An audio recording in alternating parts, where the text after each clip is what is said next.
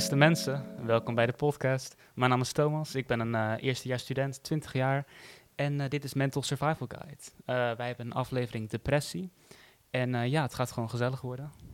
En wil jij je introduceren? Yes, goedenavond allemaal, goedemiddag, goedemorgen. ik ben Jason, ik ben 22 jaar oud. Um, volg de opleiding toegepaste psychologie. En ja, ik ben hier om lekker te praten over verschillende onderwerpjes. Dus ik heb er zin in en ben benieuwd wat we allemaal te vertellen hebben.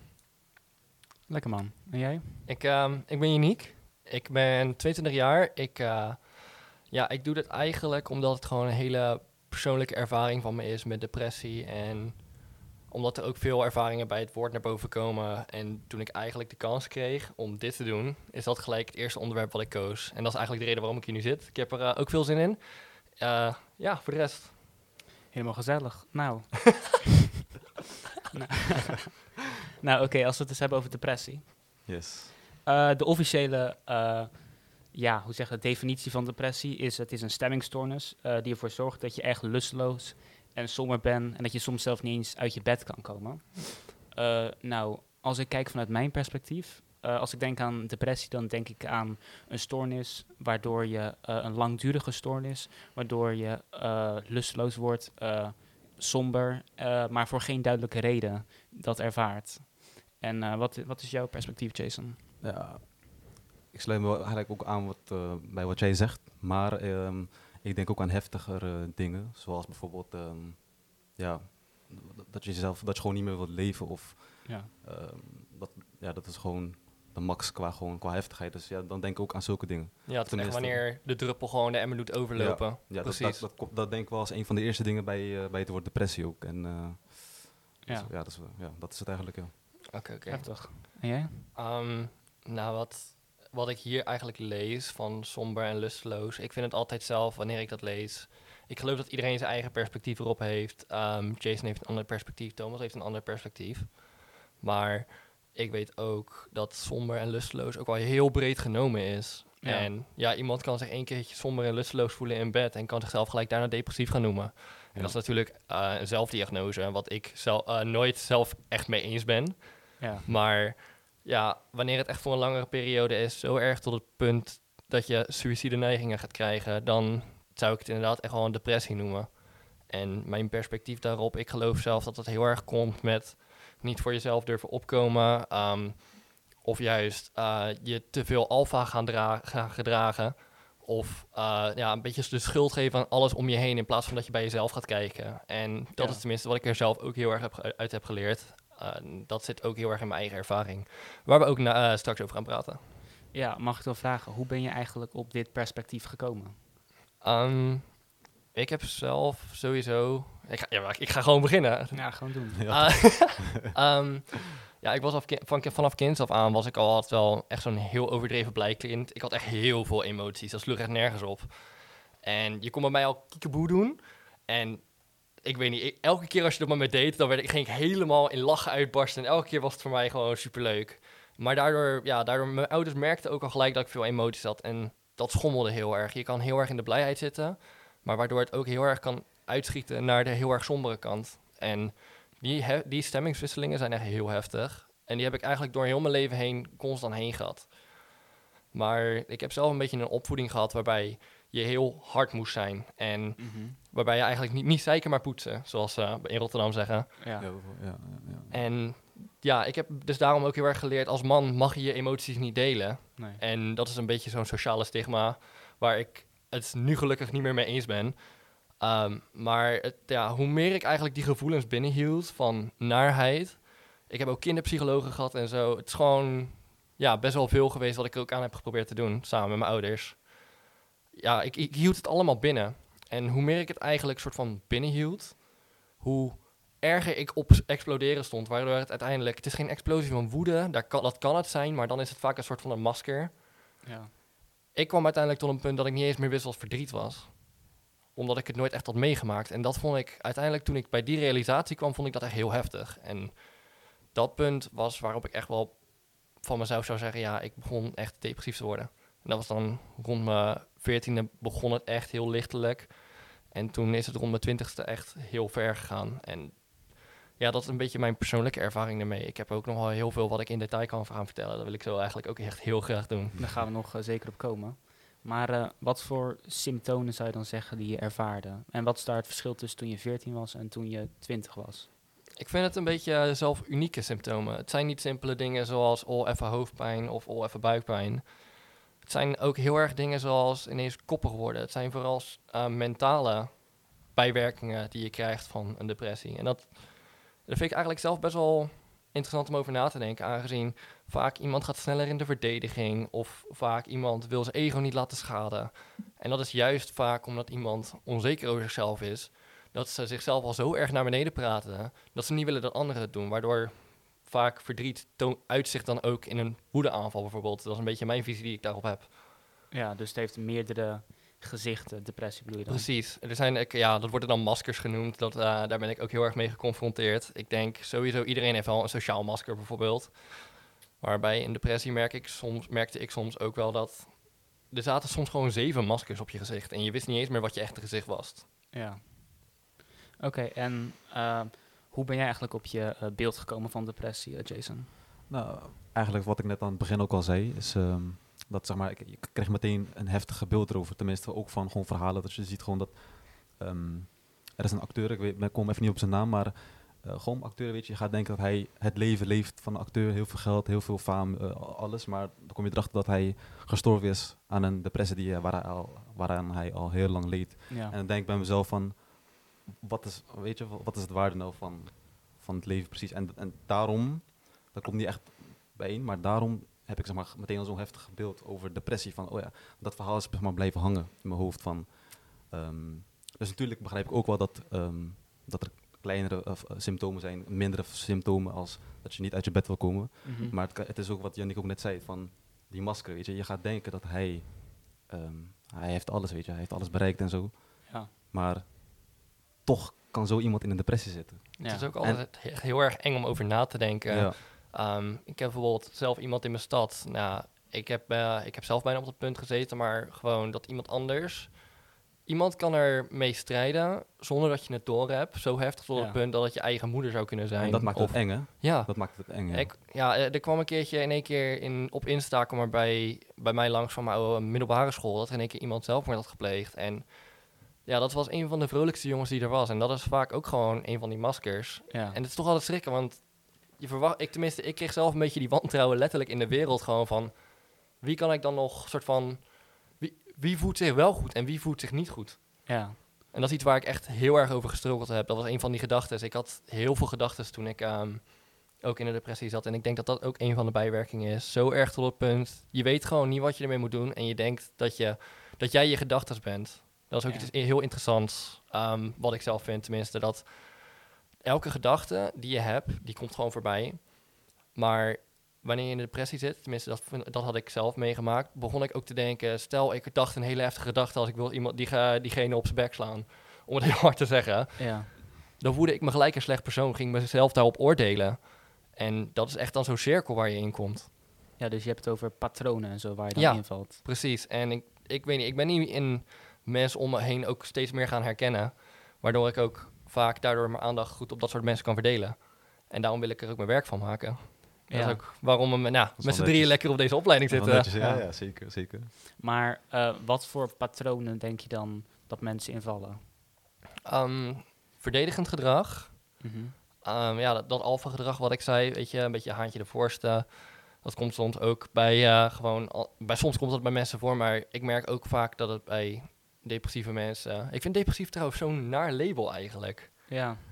Ik weet, ik weet niet, ik vind het zo naar klinken, want ja, de, ik, ik vind het gewoon naar klinken. Dat is gewoon even. Ik, ik begrijp wat je bedoelt. Het lijkt soms geen goede reputatie te hebben. Tegenwoordig wordt het ook heel makkelijk rondgegooid. Ja, maar dat is kut. Dat is, eh, Ja, op social media. Ja, ik Ja. had laatst iemand die zomaar tegen mij zei: Ja, ehm, ja die, ik heb dit meegemaakt. Oh ja, en nu voel ik me depressief. En dan heb ik ook zo van: Je weet niet wat het is. Wordt gewoon te makkelijk ge- gemaakt Ja. in de maatschappij, zeg maar. Precies. Ja, op social media, je ziet zoveel posts. Het is, zoveel, het is namelijk een stuk bekender geworden. Want het kan voordelen en nadelen hebben. Het kan mensen informeren, eh, bewust maken van de stoornis die er is. Maar je kan ook eh, het een slechte reputatie geven, een slechte naam geven. Want dan zag ik bijvoorbeeld een video van schattige hond. Ja, het was een schattige hond. Maar dan stond erbij, this cured my depression. Hm, Wat? Ja, Wat? ik, ik weet niet. Ik heb het vaak een beetje het gevoel alsof het tegenwoordig puur gebruikt wordt om relatief te zijn. Ja, Snap je? Oh, dan kan ik met die groep mensen kan ik goed mee opschieten aangezien. En dat, ja, dat is wel gewoon heel eerlijk zo. De data, de data die zegt dat mensen tegen. Ja, vroeger was er bijna geen depressie ehm, vernomen. En Ja. misschien was er toen ook minder aandacht voor. Maar tegenwoordig, omdat het zoveel meer bekendheid krijgt en zoveel meer aandacht, komt het ook steeds vaker voor. En ik heb zelf wel een gevoel dat dat komt juist omdat het zoveel aandacht krijgt. ja. Dat daardoor misschien heel erg ehm, versimpeld wordt. Ja, Voor zo van depressies je even slecht voelen. ja, weet je wel, iemand zegt ik ben depressief en de rest van de wereld zegt same. Maar er is een verschil tussen een slechte dag hebben en depressie. Ja, die depressieve mensen die zijn dan ook vaak degene die ehm, zich er dan toch niet bij voelen, terwijl ze wel dat gevoel hebben. En dan, ja, ik vind dat je niet zo een groep kan maken waardoor sommige mensen zich zouden moeten voelen als iemand die depressief is, als de rest zich ook zo gedraagt. En ja, ik wil niet de, de schuld aan de wereld geven, dat sowieso niet. Nee. Nee, het is gewoon een ingewikkeld onderwerp. Precies, ik denk ook dat de persoonlijke ontwikkeling echt al bij ieder zelf ligt. Zodra je bij jezelf door hebt, hey, dit moet ik veranderen, dat moet ik veranderen. En ook die discipline daarvoor gaat nemen, dan, ja, da- zo kan je eigenlijk soort van de wereld om je heen veranderen, denk ik zelf. Dat vind ik Nee. eigenlijk best wel een mooie uitspraak qua, ehm, de eerste die je moet veranderen, ben jezelf. En ja. Bijvoorbeeld, ik merk tegenwoordig ook, met de ervaringen die ik heb gemaakt, kan ik soms ook gewoon met anderen praten. En zodra ik me daarin openstel, merk ik ook vaak dat de ander zich gaat openstellen. Bijvoorbeeld, nou, wij hadden eergisteren afgesproken Ja, en wij hadden bijvoorbeeld dat we onze waardering naar elkaar gingen uitspreken, terwijl we elkaar Ja. eigenlijk helemaal niet zo lang kennen. precies, precies. Maar dat is mooi toch? Dat, eh, wat je zegt, dat je, als, je, als je gewoon zelf open bent, dan zal je zien dat de rest ook gewoon eh, open wordt. Ja, Wat, precies. wat en jij zegt eigenlijk. jij zei ook, eh ooit keer Jason, jij zei ook toen ehm, dat omdat ik vaak mijn waardering uitsprak, begon jij het ook meer te doen. Dat klopt. Ja. En uiteindelijk gingen we het zo weer kaatsen samen naar Thomas. En toen Ja. ging Thomas het bij ons doen. Ja, en toen klopt. gingen we telkens lachen. Ik geloof dat dat echt een soort van een bepaalde vorm van geluk is. Dat je dat dan hebt in je sociale kring. Ja, Ja, toch? Ja, nee. Maar wat ik ook bij jou had, wat ik al dus al eerder zei, even los van het, hè, van het onderwerp, maar dat jij mij al ehm, zo snel kon lezen, waar we het ook eergisteren over hadden. Je wist gewoon hoe ik in elkaar zat. En dat is wat je zelf ook net zei, van dat jij gewoon je aandacht verdeelt op mensen. Kleine aspecten van mensen. Gewoon, eh, gewoon opletten, weet je. Gewoon kleine dingetjes, maar dat vond ik gewoon mooi, dat wil ik even gezegd hebben.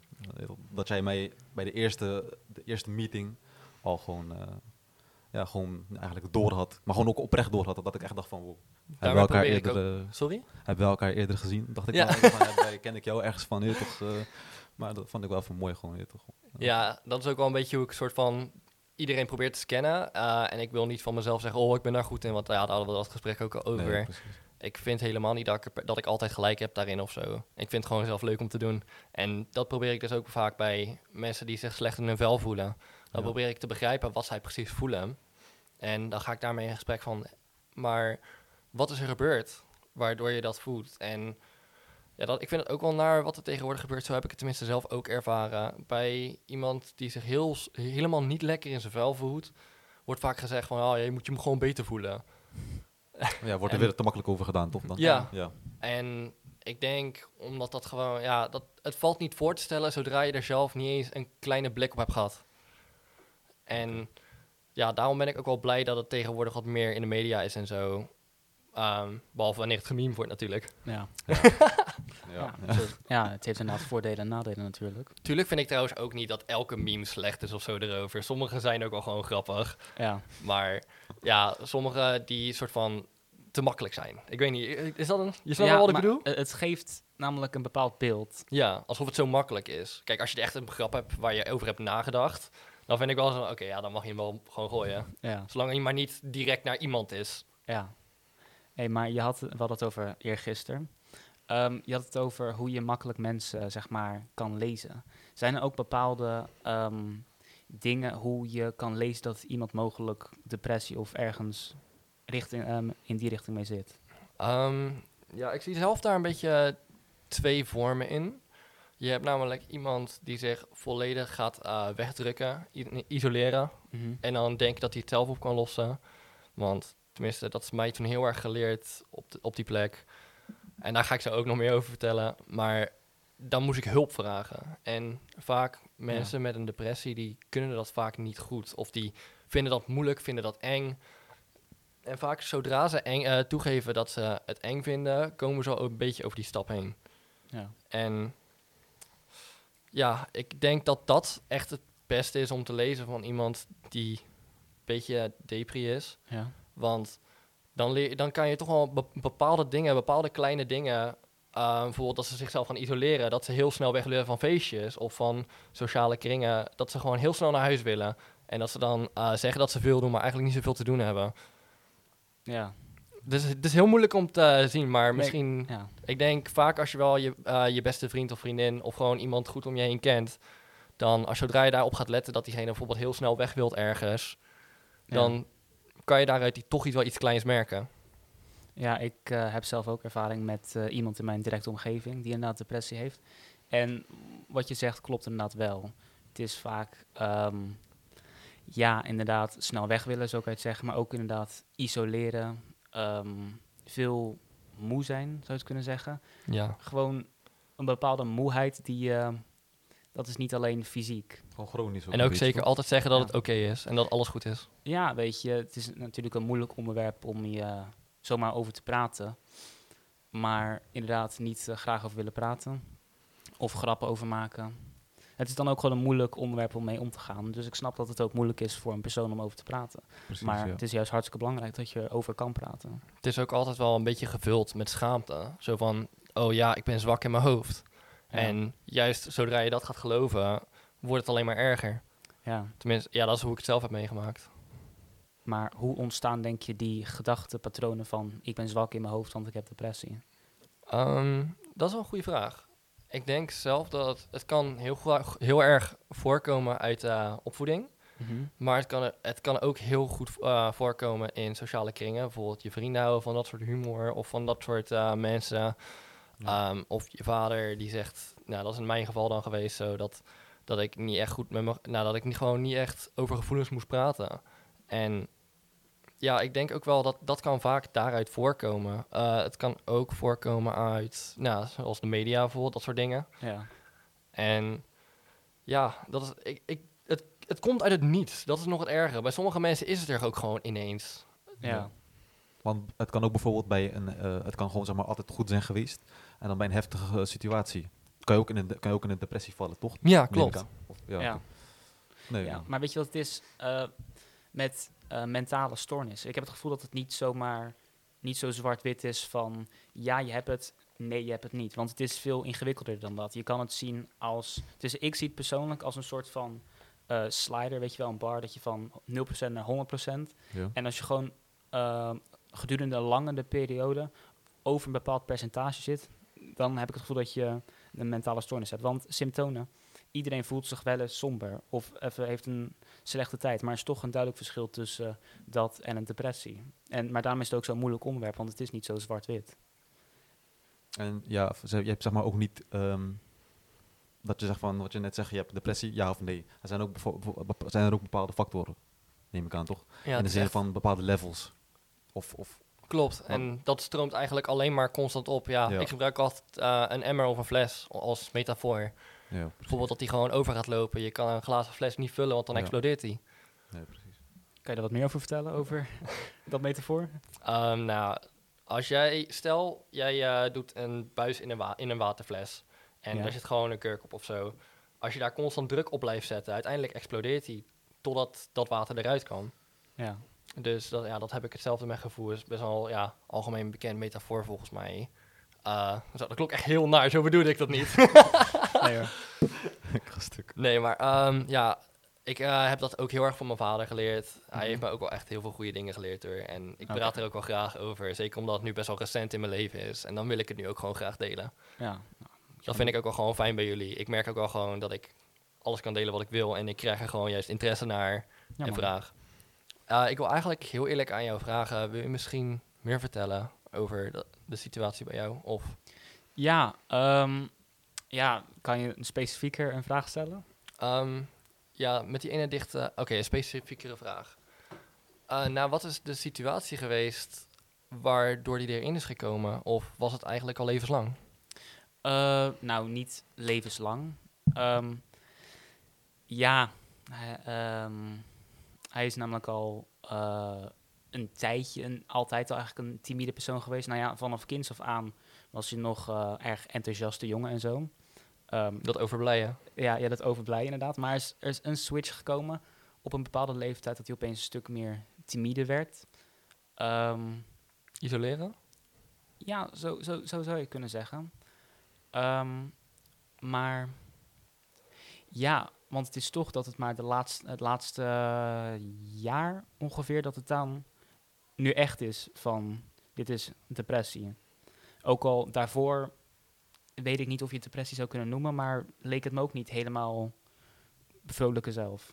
Ja, precies. Dus in principe wat Janiek net zei, gewoon van Ja, die, eigenlijk. die emmer of weet je. ja, Beetje dat herkenbare Ja. patroon van levels. ja, dat is eigenlijk best Ja. wel hetzelfde patroon nu je het zo zegt. dat had ik niet eens aan gedacht. Ja, voor mij heeft het ook echt voor een, eh, voor een, ja, een hele grote serie van events Ja. gezorgd. Ehm, ik liet dat ook gewoon vaak gebeuren. En uiteindelijk zat ik... Mag ik jullie vertellen over wat er toen gebeurd was? Ja, natuurlijk. natuurlijk. Ehm, ja, dat is ook de eerste keer dat ik dat gewoon aan jullie ga vertellen. Ik heb namelijk zelf meegemaakt, ik zei al van die kinderpsychologen en zo. En Mhm. dat het gewoon niet goed met me ging. En uiteindelijk weer wel en toen weer niet, toen weer wel. En zo ben ik telkens bij nieuwe psychologen te- eh, terechtgekomen. Die ik eigenlijk gewoon zonder dat ik het door had. Kaart manipuleerde door te zeggen van ja, het gaat wel goed. Maar dat was het eigenlijk niet zo. Mhm. En zodra je dat gaat zeggen, gaan mensen dat oprecht geloven. Ja. Zeker wanneer je het met een overtuigende stem zegt. En ja, ik ben er ook soort van best wel bang geworden voor die gedachte. Waardoor ik uiteindelijk het gevoel had alsof ik nu niet zomaar, zo, toen niet zomaar meer tegen mensen kon zeggen dat ik niet oké was. Ja. Want ik had al dat imago voor mezelf opgebouwd dat ik oké was. Ja. Dus uiteindelijk ging ik alles nog meer binnenhouden. Ik praatte niet over wanneer ik blij was. Ik praatte niet over wanneer ik boos was. Ik zei altijd, ik ben een rustige jongen. Ik word bijna niet boos. Wat echt, ja, is gewoon bullshit. Ja. Is gewoon altijd zo geweest. Ja, heel eerlijk. Ja. Nee, nee. En uiteindelijk ehm, wilde ik eens een keertje met een vriend van me gaan blowen.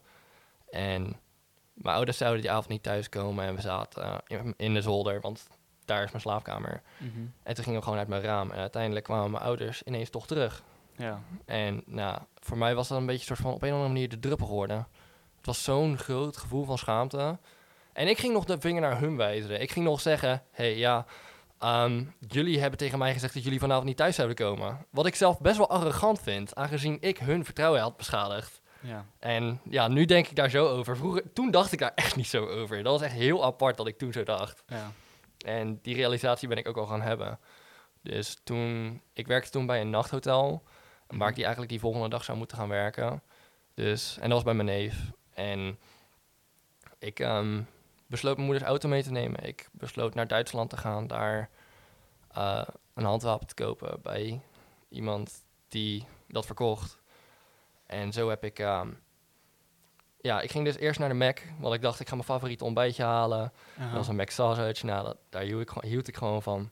Ja. En ik appte mijn neef dat ik niet kon komen en ik begon ineens te huilen. Ik zat op dat... En ik, hij belde mij gelijk. Hij wist wat er aan de hand was. Hij wist dat het een tijd niet goed met me ging. Ja. En toen zei hij, ik kom naar je toe, ik wil met je praten. Uh, ik, ga, ik ga je niet tegenhouden. Wat natuurlijk een keiharde leugen was. Ja. En toen blamede ik hem daar ook voor. Terwijl dat eigenlijk... Hij heeft me gewoon mijn leven gered. Ja. En dat, ja, ik- daarom, ik hou ook echt van die jongen. Merk ik gewoon altijd. Het is echt gewoon een goede vriend voor me. Ja. Ehm, toen uiteindelijk werd ik omsingeld door politie bij het McDonald's parkeerdek. Mhm. En toen eh, werd ik meegenomen naar huis. Waar ze toen zeiden, je kan of onder dwang of vrijwillig mee naar een noodkliniek. Ja. Ehm, dus, nou, ik zei natuurlijk dat vrijwillig was. Ik zei, oh, ik heb een openbaring gekregen, wat ook weer een leugen was. En ik zat op een kamer, ik zat alleen maar YouTube te kijken. Uiteindelijk mochten er twee vrienden van me langskomen. En tegen hun heb ik ook gewoon gezegd... Ik mocht toevallig nog wel, omdat ik zei dat ik vrijwillig kwam, mocht ik wel naar buiten. En dus ik zei tegen ze, ja, ik verveel me eh, hier in dit ziekenhuis. Dus zullen we even wat wiet halen. Ja. En uiteindelijk was dat gewoon voor mij, ja, ik heb tegen mijn vrienden gelogen. Ik heb ze ook gewoon gemanipuleerd om dat samen met me te halen. Wat ik zelf best wel heftig vind. En ik wilde gewoon, omdat ik al een heel plan had voor mezelf, ik had al allemaal brieven geschreven. En ik eh, had de kast voor de deur gedaan in de avond, midden in de nacht. En ik had de deur op slot gedaan van mijn wc. En daar probeerde ik mezelf wat aan te doen. En dan niet, ja, niet iets simpels zoals snijden, wat ik ook ooit wel eens heb gedaan toen. Mhm. Maar ja, gewoon met een touw. Ja. En ja, ik vind het nu nog steeds heftig om erop terug te denken. Maar ik weet juist dat het nu het juiste moment is om dit te delen. ja. Ehm, en ja, ik, ik, ben eigenlijk het ik ben eigenlijk nu een beetje bang dat ik misschien heel veel tijd opneem. Ik wil eigenlijk een beetje jullie... Dit, het, is een niet podcast over depressie. Ja, Dit precies. is het moment om te praten. Ja. Oké. Nee, maar ik dacht misschien willen jullie ook vragen tussendoor stellen. nou, Misschien. ik heb wel wat vragen, maar of wil je die na de hand pas stellen? Nou, Ja. je was al goed bezig in je verhaal. oké. bezig met je verhaal. Ga door. Oké, nee, goed. praten. Dan ga ik door. Dan ga ik door. Ehm, toen uiteindelijk werd ik in het Delta gezet. Omdat, ja, die mensen kwamen erachter. Ik, oh, nee, wacht. Zo, ik vergeet een heel deel van het verhaal. Ehm, ik probeerde het en ik had drie, ja, best wel wat gedaan. Best wel wat gebloot.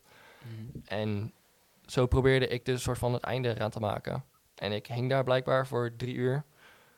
En op een of andere manier... Ik had in mijn hoofd dat ik een of ander gek visioen... Wanneer, waar ik samen met één iemand over allemaal zes hoeken sprong. Het was heel apart. Het is echt bijna niet voor te stellen. Maar ik had ik kreeg het gevoel dat ik daardoor een soort van mijn eigen tijdlijn uit mocht kiezen. Zelf mocht bepalen wat ik ging doen met mijn leven. Ja. En in één keer werd ik wakker. Ik maakte mezelf los. Ik belde mijn ouders. Die belden weer het ziekenhuis. Toen had ik de kast voor de deur weggehaald. En ik zat daar super stoned op dat bed. En toen hadden ze me naar Delta meegenomen. En Delta is waar, ja, was wel een beetje van... Ik, ik haat het zelf, maar een beetje de gekkies. Ja. Ehm, ja. Mentaal iets mindere mensen. Er was er ook een mevrouw die zei zo van... Ja, de regering stopt pilletjes in ons eten. Dan worden we gek, dan worden we gek. Dat soort mensen. Mhm. En ik was er toen ook zo een eigenlijk. En dat besefte ik me gewoon niet. Ja. Want zo erg wil ik niet eerlijk tegen mezelf zijn. Ik wil niet zeggen, ik zit in Delta, want ik heb dit geprobeerd. Want dat is gewoon zo'n schaling van mijn ego dat ik voor mijn gevoel dan niet meer verder kon leven. En dat is een heftige gedachte. Ja. En ehm, nou, uiteindelijk na een week, ik had daar een hele, hele intensieve eh, therapeut. Die, die zei, ik zei zo van, ja, eh, ja, je moet dit voor me doen. Toen zei hij, "Huh, je, je moet u tegen me zeggen. En ik was van, wow, wow. En toen gingen we vechten bijna. Dat was echt heel heftig. Ik heb daar een weekje gezeten en toen mocht ik zelf bepalen. Toen ging ik uiteindelijk ehm, toch naar huis. Toen hadden we Yes We Can gebeld. Dat was dan een kliniek. Een kliniek in Eindhoven.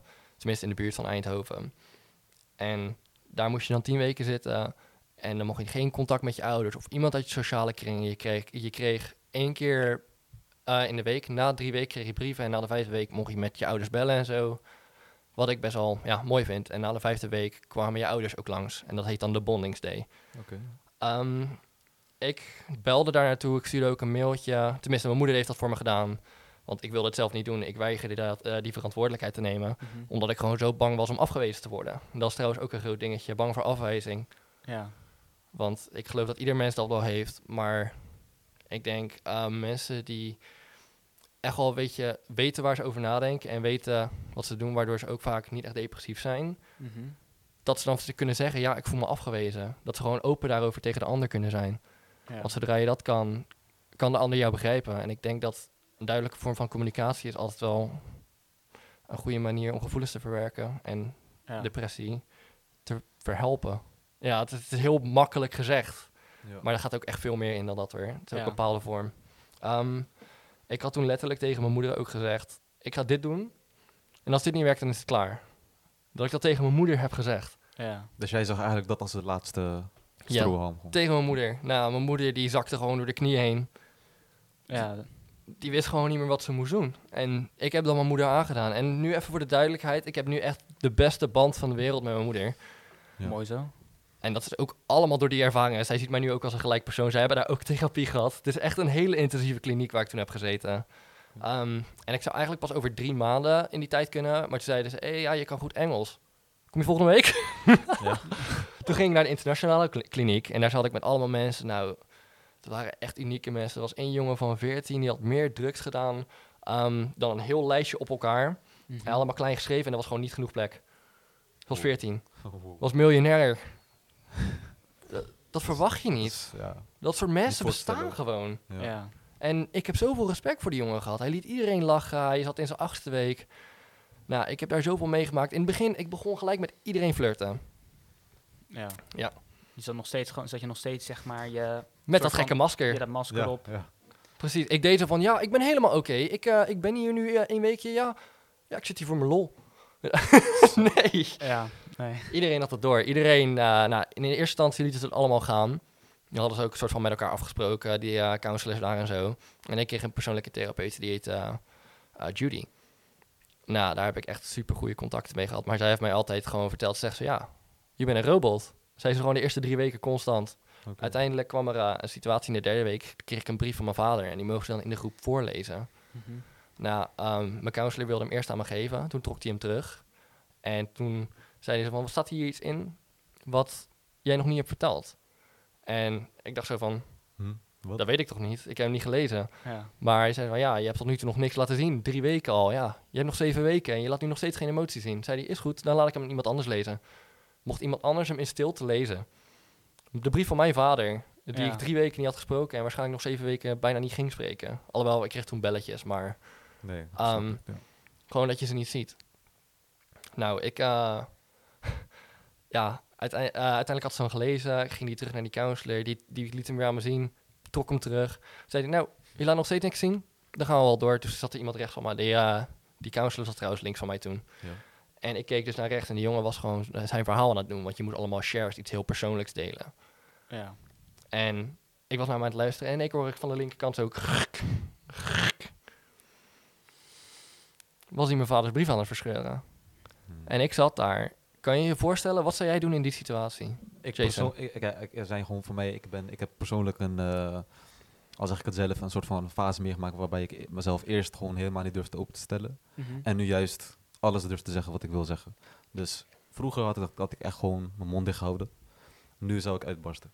En nu zou je gewoon echt boos Ik worden. zou echt boos worden, ja. zeker. Wat zou jij doen, Thomas? Nou, ik ben totaal niet van confrontatie, dus ik zou er waarschijnlijk een grapje van maken of iets. Ik, ik vind confrontatie heel moeilijk. Dat, Ja, dat had ik Dat is vroeger wat ik ook gedaan. deed. Dat Ja, is dus precies ja. wat ik ook deed. Ik ben dus nu waar jullie vroeger waren. Succes. Nee, nee, ehm, Nee, maar eh, ja. eh, uiteindelijk was hij hem dus aan het verscheuren. Hij maakte er propjes van, begon ze naar mijn hoofd te gooien. Nou, ik deed dus precies hetzelfde wat jij zou doen. En dat zei je heel mooi. Ik zou er een grapje over maken. Ik pakte die propjes en ging, ging ze teruggooien. Ja, ja. Uiteindelijk die jongen rechts van me, die wordt super boos op me. Hij zegt zo, ik word er nu gewoon boos van. Dat jij niet wat aan doet. ja, dat jij niks doet. Ja, Ja, waarom doe je er niks tegen? Nee, precies. Ja, ja, nee, ja. nou, dat dus. En uiteindelijk, ik begon toen te huilen. Ik was super bang dat ik mijn ouders nooit meer zou zien of zo. En ik was echt super blij dat ik nog een deel... Want ik, ik duwde hem, ik pakte die brief en ik ging hem gelezen wat ik er nog van over had. ja. Dat, ik denk dat iedereen dat zou doen in die situatie. Ik zou vanaf het begin al Ja, sprongen, weet je. Ik zou gelijk springen, weet je. Maar goed, ik, eh, Gelijk kan, vechten. Ik kan ook begrijpen waarom jij... eh, ik, dat was ik vroeger ook, dus ik kan het begrijpen. ja, ik vind het Ja. gewoon moeilijk. Ik vind, het- vond het ook heel lastig vroeger, ja. Maar goed.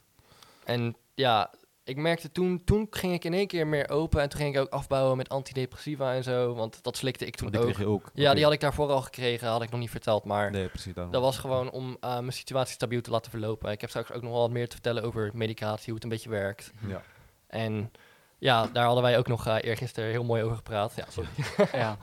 Ehm, maar uiteindelijk, na vijf weken, zag ik mijn ouders. En die zagen gelijk weer een fonkeling in mijn ogen. Want wanneer ik niet blij ben, dan zie je gewoon dat soort van een fonkeling in mijn ogen uit is. En ik denk dat je dat wel bij iedereen kan zien hoor, dat wel. Ja, Ehm. Maar mijn vriendin nu, die zegt dat ook gewoon soms wel eens tegen mij van... ah, ik had hem heel kort, had ik een weekje dat ik één pilletje was vergeten, eh, vergeten te slikken. En dan voel je je gelijk even down, omdat alles uit balans is geschoten. ja. Oké. En nou, zij zei ook gewoon tegen mij van... hey, je pretlichtjes staan uit. En dat vond ik zo'n mooie verwoording. Je pret ligt je. Ja, pretlichtjes. Maar ik denk dat dat misschien... Jij vroeg namelijk ergens in het begin ah, van deze mooie podcast... Mhm. vroeg je ook wat je kan zien voor patronen in een persoon. Ik denk Ja. naar iemands stand van zijn ogen. Ja, ik denk dat je daar echt heel goed kan zien... of iemand ah, zich lekker voelt op dat moment of niet. Inderdaad. En dat is ook wel, ik, ik denk, de heftigste wat ehm, mijn ma toen ooit vertelde. Ze zei, toen ik naar je keek, vijf weken geleden, je ogen stonden gewoon uit. Er was geen licht meer aan.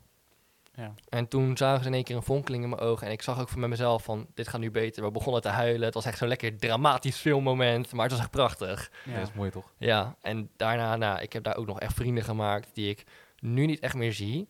Maar ik hou ze nog steeds dicht bij me. We hadden ook zo'n boekje aan het einde gekregen waar iedereen elkaar leerde kennen. Maar ik heb daar zo'n intensieve therapie gehad. Sommige meisjes die zich beter gedroegen dan de rest, moesten een kroontje gaan dragen of een hogere stoel, omdat ze zich beter dan de rest voelden. Eén meisje moest een tiara dragen.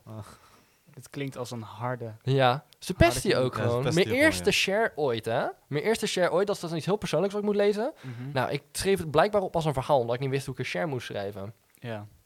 Die man, die zet een box in, in- aan in het midden van de, de kring. En hij zet gewoon van die sad storytelling muziek op.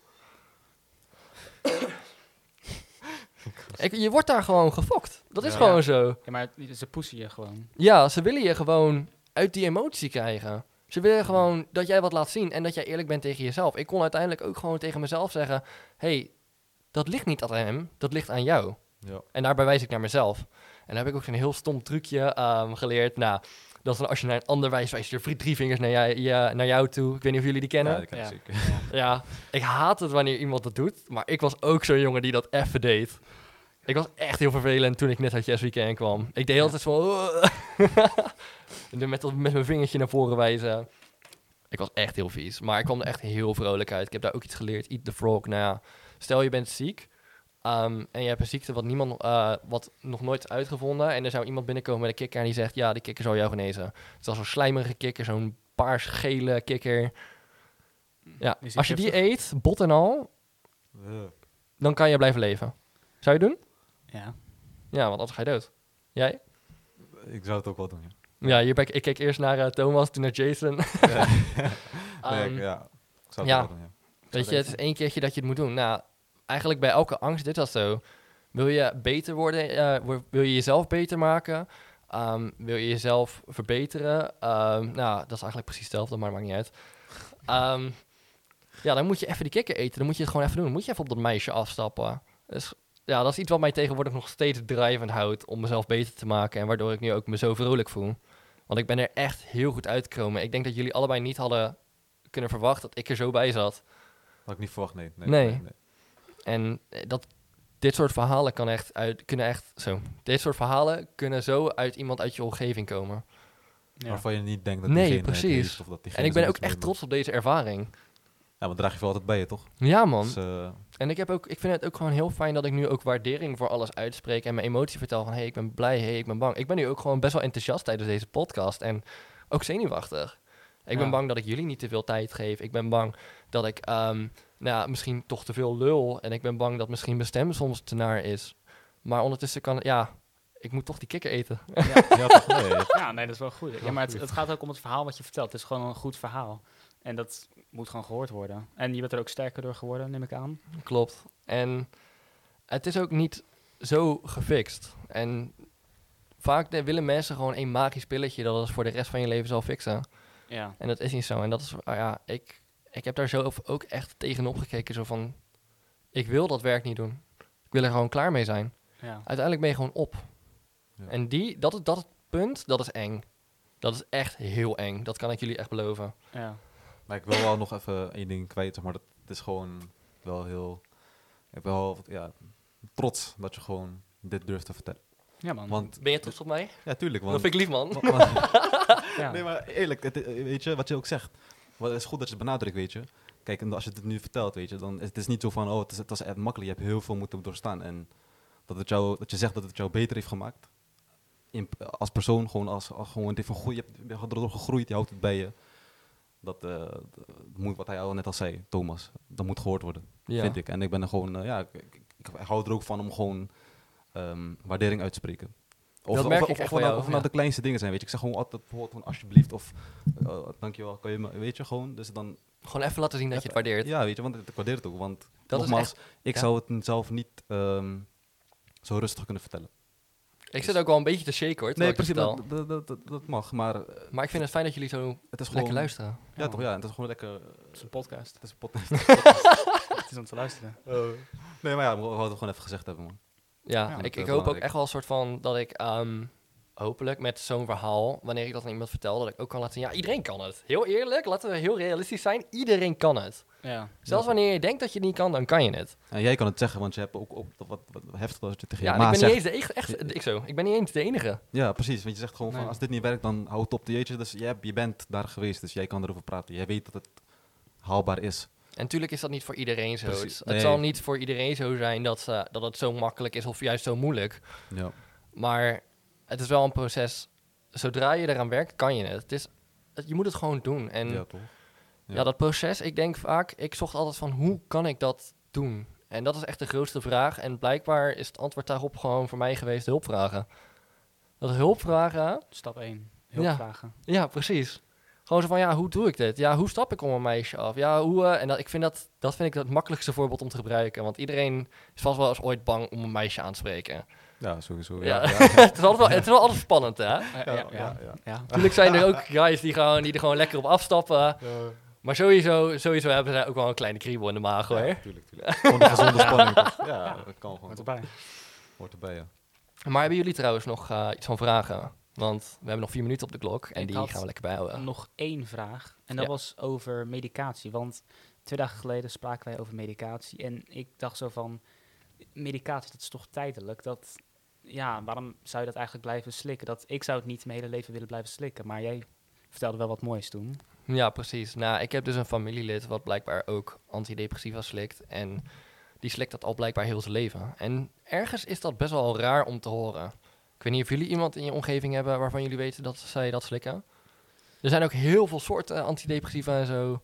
Nee, ik persoonlijk niet. Niet nee. dat ik weet. Nee, Ja, precies. niet dat, ik, niet dat je weet natuurlijk, want Ja, Het, het- mensen komen er vaak niet voor uit. Precies. En ja. nou, ik probeer er nu gewoon eerlijk voor te zijn. Weet je, ik slik het nu nog steeds. Ik ben heel erg afgebouwd.